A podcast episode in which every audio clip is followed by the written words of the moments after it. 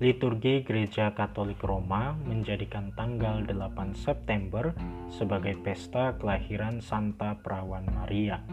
Memang tidak ada info pasti mengenai tanggal kelahiran Santa Perawan Maria.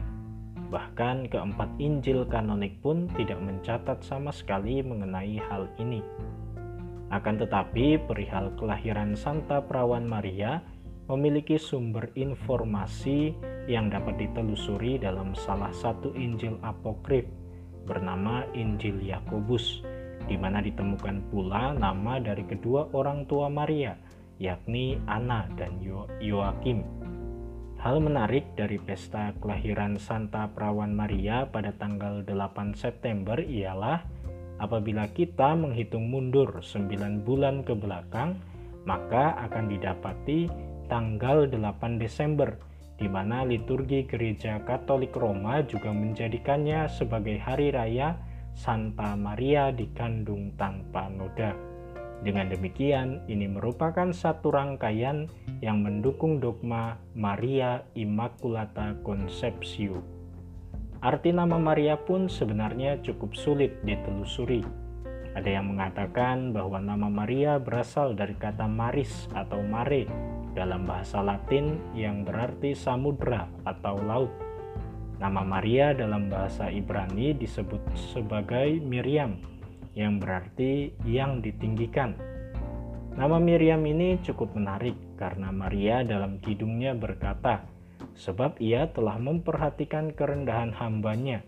Sesungguhnya mulai dari sekarang segala keturunan akan menyebut aku berbahagia sebagaimana ditulis dalam Kidung Maria dalam Injil Lukas bab 1 ayat 48.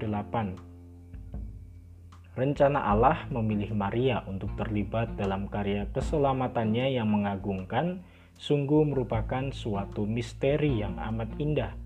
Allah memilih Maria sebagai pintu gerbang kehadiran Sang Juru Selamat, yakni Yesus Kristus, dalam peristiwa inkarnasinya Rencana Allah melalui Maria ini kiranya menjadi bukti bahwa di mata Allah, manusia, baik pria dan wanita, memiliki kedudukan yang setara sebagai rekan kerja Allah.